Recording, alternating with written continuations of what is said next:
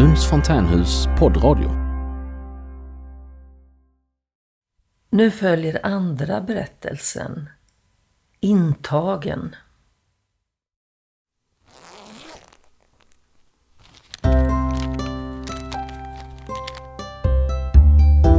Det här är min berättelse.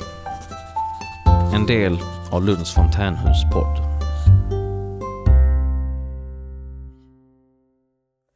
Jag mår dåligt. Då tar jag kontakt med en mycket kär och när vän.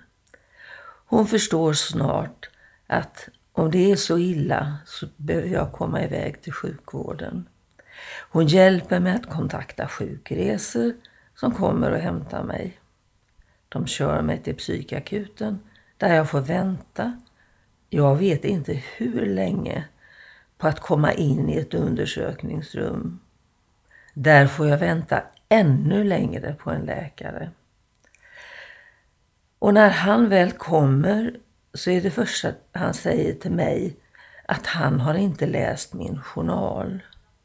Jag svarar, vad gör du här då? Sedan under samtalet, då jag berättar hur jag mår och känner mig, säger han att han inte tror att jag skulle vilja ta livet av mig. Hur vet du det? Du har ju fan inte, inte ens läst min journal. Du känner mig inte det minsta. Du vet ingenting om mig. Jag säger senare till sjuksköterskan att jag vill hem.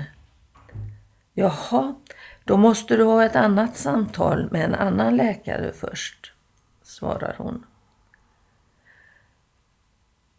Då kommer, ursäkta uttrycket, samma jävla läkare och börjar prata om att jag är den perfekta patienten för ECT. Hur kan nu han veta eller tycka det när han inte har läst min journal? Hade han gjort det hade han sett att jag har fått ungefär 20 ECT-behandlingar och de har inte gjort någon som helst skillnad, varken positiv eller negativ. Sen får jag ligga i det där undersökningsrummet i två nätter och hela tiden säger jag att jag vill hem. Och alla säger att jag först måste få prata med en läkare. Sen får jag veta att jag ska upp till en avdelning. Där får jag reda på att jag ska ha ett inskrivningssamtal med en läkare. Nu mår jag så dåligt och har en sån fruktansvärd huvudvärk att jag orkar inte protestera mot någonting. Men jag begär att få något mot huvudvärken och för sömnen. För jag vaknar efter ett par timmar när värktabletterna slutat verka. Jag får två Alvedon och efter ett visst tjat en Stesolid. Och så pågår det några dagar. Hur många har jag inte riktigt koll på, för jag mår så dåligt och har så svår huvudvärk att tidsbegreppet är helt borta. Sen kommer en trevlig AT-läkare och gör en grundlig neurologisk undersökning av mig och skickar en remiss för en CT-röntgen. Den visar inget konstigt får jag höra och det är väl bra. Men huvudvärken är kvar. AT-läkaren skriver i samråd med någon på neurologen ut en cocktail av värktabletter. Citoron, Alvedon, Naproxan och kanske någon som jag inte har koll på. Den här blandningen ger en avsevärd lindring av huvudvärken. Men den är fortfarande mycket smärtsam. Jag sa till någon när de ville att jag skulle gradera eh, hur jag mådde på en skala eh, så svarade jag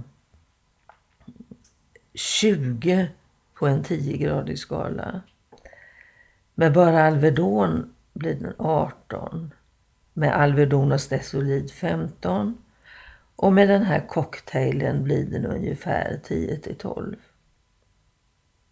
Efter att ha legat på psyken nästan två veckor och hela tiden sagt att jag vill ha något som gör att jag sover en hel natt. Jag blir bara erbjuden Terralen och Propavan och ingen av de medicinerna har någon effekt på mig. Jag har provat bägge ett flertal gånger. Jag har endast sovit ut ordentligt två nätter. Där den första var på grund av Sobrilen jag hade stoppat i mig när jag kom in. Och den andra var väl av total utmattning. Jag började packa ihop mina saker i väntan på att prata med en läkare som verkar vara som Gud. Alla pratar om honom, men ingen har sett honom. Och definitivt har ingen pratat med honom. Under tiden jag höll på att packa svimmade jag av. Varför vet jag fortfarande inte.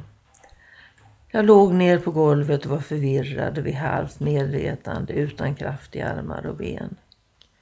När personalen till slut kom in och upptäckte min situation verkade deras viktigaste fokus vara på att jag skulle komma upp på fötter, inte på hur jag mådde. Sen frågade de om mitt sockervärde, vilket jag hade mätt strax innan jag tuppade av, så det kommer jag ihåg. Det var på 6,4, vilket inte är alarmerande. Någon undrade om jag hade stoppat i mig undangömda mediciner. Jag svarade nej, men om de misstänker något sånt så måste de ju ta blodprov för att se om jag har några andra mediciner i mig. Sedan var deras fokus på att jag skulle få i mig något att äta och dricka.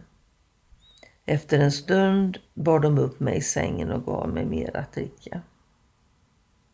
Jag fick så småningom tillbaka kraft i ben och armar. Det kom in en läkare, från jouren tror jag, och talade om för mig att jag får prata med min läkare om det här följande måndag. Jag är en depressionssjuk människa som egentligen inte bryr mig om min hälsa just nu. Men det är ju sjukdomen som förorsakar det.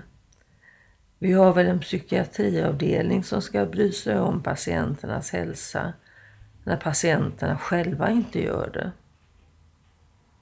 Efter att jag kommit upp i sängen har det inte varit någon som helst tillsyn mer än att de har kommit in och talat om att det är mat.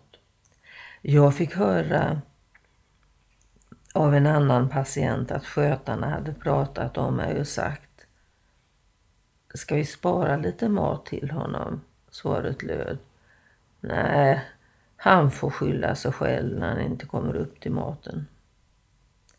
Jag har fortfarande ingen som helst aning om varför jag svimmade av och som jag mår nu bryr jag mig inte.